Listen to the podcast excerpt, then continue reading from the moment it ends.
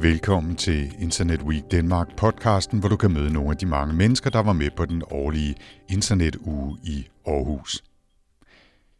I denne episode, ja, der skal det handle om robotter, især de humanoide af slagsen, altså dem, der ligner mennesker. Her er det menneskene af kød og blod, Lykke Brogaard Bertel og Søren Tranberg og robotten Pepper, der fortæller. Jeg hedder Lykke Brogaard Bertel, og jeg er forsker i robotteknologi og læring Hvorhen? på Aalborg Universitet. Og Søren? Ja, jeg hedder Søren Tranberg. Jeg er iværksætter og har en lille øh, konsulentvirksomhed, hvor vi arbejder med robotter og kunstig intelligens. Jeg er tidligere forsker, men det er nogle år siden. Nu er du gået selvstændig. Yes. Velkommen herude. Tak. Jeg tror, du kom først, men det snakker vi ikke om. I har lige afholdt et uh, seminar, der handler om humanoide robotter. Og, og lad os lige få en, uh, en kort definition til at starte med, hvem vil, hvem vil lægge ud. I peger begge to på hinanden. Nu, nu beder jeg Lykke om at gøre det. Okay, men øh, humanoide robotter er en, en gruppe af, af sociale robotter, som ligner mennesker på en eller anden måde, har øh, nogle af de samme træk som os mennesker, for eksempel øh, arme og ben nogle gange, og et, og et hoved, typisk også øjne. Øh, så de har nogle af de samme træk som os, men ligner os ikke på en prik. Øh, hvorimod androide-robotter, det er dem, der ligner os lidt mere med kød og blod og hud og hår her. Og Søren, hvis vi øh, taler humanoide robotter, hvor er de henne i dag? Hvor møder vi dem, og hvor meget kan de egentlig? Ja, vi møder dem i forskellige områder. Altså sådan, øh, i det civile er, er der, hvor de er på vej ud, er i forhold til øh, messer og øh, butikker, og her på biblioteket, hvor de også har købt en. Men øh, der er også humanoide robotter i, i militæret og til rumfart.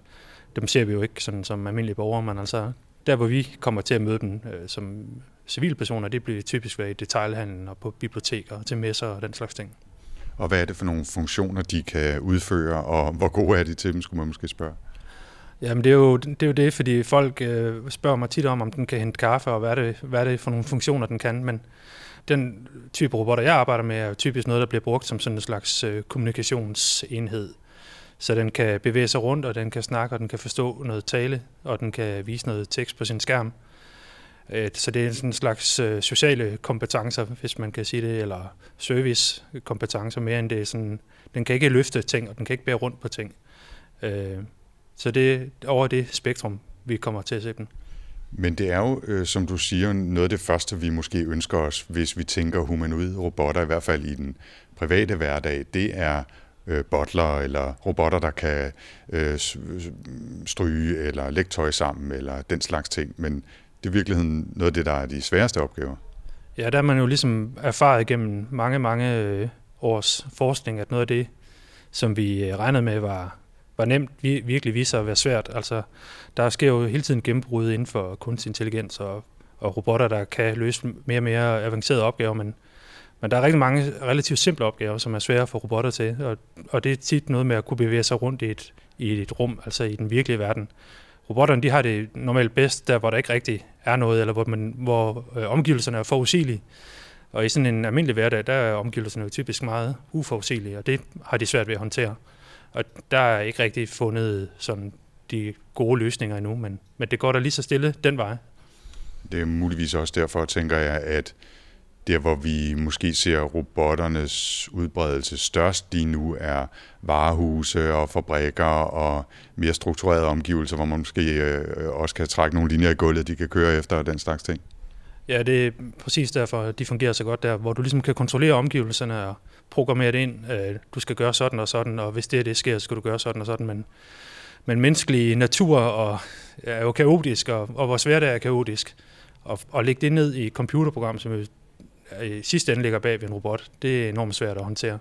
Og det er blandt andet derfor, det er, det er svært at lave nogle robotter, som sådan, øh, kan køre rundt med os som bottler og den slags. Men, men det betyder ikke, at, at øh, det ikke er lige så stille på vej, og der er en masse andre funktioner, som man godt kan lave allerede nu, som er enormt overbevisende og kan bruges til mange forskellige ting. Og vi har lov at drømme om øh, robotbottler. Lykke, nu sagde Søren, at, øh, at det meget handler om kommunikation lige nu, og Pepper-robotten, som, øh, som står her ved siden af os og er blevet bedt om at tige stille, øh, kan jo heller ikke så meget. Den siger nogle ting, man kan sige nogle ting til den, og så kan den vifte lidt med armene og den slags ting. Kan du ikke sige lidt om vores, vores interaktion med robotterne lige nu? Øh, hvordan det fungerer, og hvor godt det fungerer? Altså lige nu er det, som du siger, øh, jo øh, præprogrammeret adfærd, vi kan se på robotterne. Altså de gør nogle ting, som vi har programmeret i forvejen, og som så øh, sættes i gang på nogle triggers, altså noget, den genkælder, eller en, en kommando, den får. Øhm, og, øh, og det er selvfølgelig øh, ikke sådan, som vi oplever at interagere med hinanden, og for at vi kan komme derhen, så skal den i højere grad være autonom og i højere grad tage initiativ til interaktion. Men samtidig så kan man også sige, at vi i høj grad tillægger robotterne en social adfærd, også selvom også adfærd, som ikke nødvendigvis er social, eller adfærd, som er tilfældig, det tillægger vi intention. Så som mennesker er vi ret gode til at være tålmodige over for de her øh, lidt ufærdige og, og stadigvæk øh, ret øh, unge robotter. Man taler jo også inden for robotter om det her uncanny valley-begreb, ikke? om hvor, hvor, hvor tæt det ligner noget menneskeligt, og så er det nogle gange bedre, at det ikke ligner noget menneskeligt, end at det er meget tæt på, men så alligevel ikke helt. Gælder det samme for adfærd? Altså skal der være sådan en, en tilstræbt kunstighed, indtil vi kan lave det fuldstændig perfekt? Det tror jeg måske uh, kunne være en meget god pointe, at, uh, at vi uh, på en eller anden måde uh, uh, omfavner det ufærdige, eller det, det, det, det, der fejler en lille smule, at vi øh, tillader os, fordi mange, meget af det forskning, der findes inden for, for øh, menneske-robot-interaktion, der forsøger man at glatte nogle af de der øh, misforståelser ud og have en måske siddende om bag ved gardinet og styre robotten, hvis nu, at den ikke kan køre autonomt. Øh, men der, hvor der sker øh, læring, og der, hvor der sker, øh, altså hvor man bliver motiveret for interaktion, det er lige så høj grad der, hvor robotten fejler, øh, og der, hvor vi, vi ser, at den ikke er perfekt. Med de begrænsninger, der i hvert fald indtil videre ligger i de muligheder, der, der er for kommunikation og interaktion med robotterne. Hvad er det så for nogle funktioner, du ser på vej sådan, som, som de næste muligheder? Altså jeg synes i høj grad, at øh, den her kobling mellem den sociale adfærd og så det at få en forståelse for programmering er rigtig interessant. At vi får en forståelse for, hvordan, øh, hvordan adfærd også er noget, vi på en eller anden måde designer, øh, når, vi, når vi interagerer med hinanden. Og der kan man bruge robotteknologien til at åbne op for, for læring omkring, hvad er social adfærd, hvad er kommunikation, og hvordan understøtter man mennesker, som måske har svært ved, ved den del af det. Så det er noget af det, vi kommer til at se mere, at man bruger øh, øh, robotter som pædagogisk værktøj eller som terapeutisk værktøj. Øh, der er selvfølgelig også nogle udfordringer forbundet med det, fordi at der er mange følelser øh, blandet ind i den her interaktion, og, og der er mange etiske dilemmaer, man kan, man kan møde. Men, men det er et af de steder, hvor det har størst potentiale, tror jeg. Og er der så, øh, som det åbne, meget åbne fælles spørgsmål til sidst, er der det der potentiale i det, eller vil det vise sig, at det her bare er, øh, hvad kan man sige, øh, fraktalt komplekst? Altså lige snart man begynder at grave sig ned i det og gerne vil tilnærme sig robotter, som vi kan tale, som vi tre står og gør her, eller øh, en robot, som man kan bede om at køre ud i køkkenet og hente kaffe og lige øh, tage øh, strygetøjet på vejen, øh, at det bare viser sig at være så svært, at det nærmest vil være umuligt at gøre, med mindre, med mindre vi kaster øh, ubegrænsede ressourcer efter, efter det. Vil det være, nu skal jeg forsøge at formulere det kort igen, vil det være et, øh, et løsbart problem inden for en overskuelig tidsrække, eller øh, må vi slå os til tåls med, med søde, men lidt ubehjælpsomme robotter som Pepper, der står her bagved?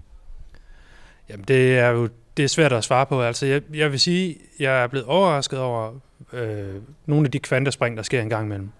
Men der er også, det er også noget af det, der skal til, hvis man virkelig vil ud og have noget, der er bare tilnærmelsesvis ligner det, øh, vi mennesker kan. Så jeg tror, der er, der er lidt begge elementer i det. Altså, der er nogle ting, som, som, hvor vi måske finder ud af, at det var sværere, end vi havde regnet med, og det vil vi hele tiden støde på. Men, men der sker også, der, der er simpelthen så mange eksempler på, hvor man har sagt, øh, tidligere sagt, det kunne ikke lade sig gøre, og så kunne det godt lade sig gøre alligevel. Øh, føleløse biler, bare for at nævne et eksempel, som var nærmest utopisk for 10 år siden, og nu ser det ud til at komme. Så, så jeg prøver egentlig at undgå at komme med den slags konklusioner, fordi det er enormt svært at, at sige på forhånd, øh, hvor, det, hvor, øh, hvor vi ender hen med det her. Men, men der sker i hvert fald meget inden for området, sådan helt generelt. Har du en opfølgende lykke? Ja, altså jeg, jeg tror, vi kommer til at se flere sådan dedikerede robotter, altså robotter, som er lavet til en eller få ting. Øh, for der har været sådan en tendens til at tænke, at, at, at robotten skulle kunne det hele. At de skal både kunne være butler, og de skal også være terapeuter, de skal også en masse forskellige ting. Og jeg tror, vi kommer til at se, fordi teknologien bliver billigere, en masse forskellige robotter, som løser forskellige opgaver. Og så er det ikke så vigtigt, om Pepper her kan stryge, fordi det er en anden robot, der kan, som, som måske ikke kan interagere socialt. i virkeligheden meget parallelt til, til den udvikling, vi ser inden for avancerede algoritmer og, og det, man kunne kalde snæver kunstig intelligens, at det er ikke en, en menneskelignende kunstig intelligens, som vi kan interagere med, som vi kan bede om at gøre alt, men vi har afsindig avancerede øh, algoritmer i selvkørende biler, eller trafiksystemerne, eller vores søgemaskiner, eller et eller andet. Nu lagde jeg ord i mund, men det bliver så en konklusion for egen regning. Øh, tak, øh, Søren og Lykke. Jeg synes lige, vi skal hilse kort på Pepper, hvis øh, han, hun, den har lyst til at, at, at sige noget.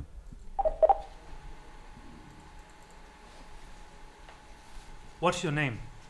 You can call me Pepper. Are you human? Are you human? Are you human? No, I'm a humanoid robot. What's your name? My name is Pepper. How old are you? I'm one. I'm still pretty young. But pretty tall for your age. No comment. are you are you a boy or a girl? Are you a boy or a girl? In Japan, I'm supposed to be a boy. Elsewhere, people think I'm more feminine. In the end, I'm just a robot. And a very nice robot indeed. You just blink when I compliment you, right? I thought so. Thank you, Pepper. You're welcome. Og således sluttede denne episode af Internet Week Danmark podcasten. Du kan høre flere samtaler, reportager og stemningsbilleder fra festivalen ved at abonnere på podcasten selvfølgelig, og vil du vide mere, ja, så kan du besøge internetweekdenmark.com. Podcasten bliver produceret af Podlab for Internet Week Danmark. Jeg hedder Anders Høgh Nissen. Tak for denne gang.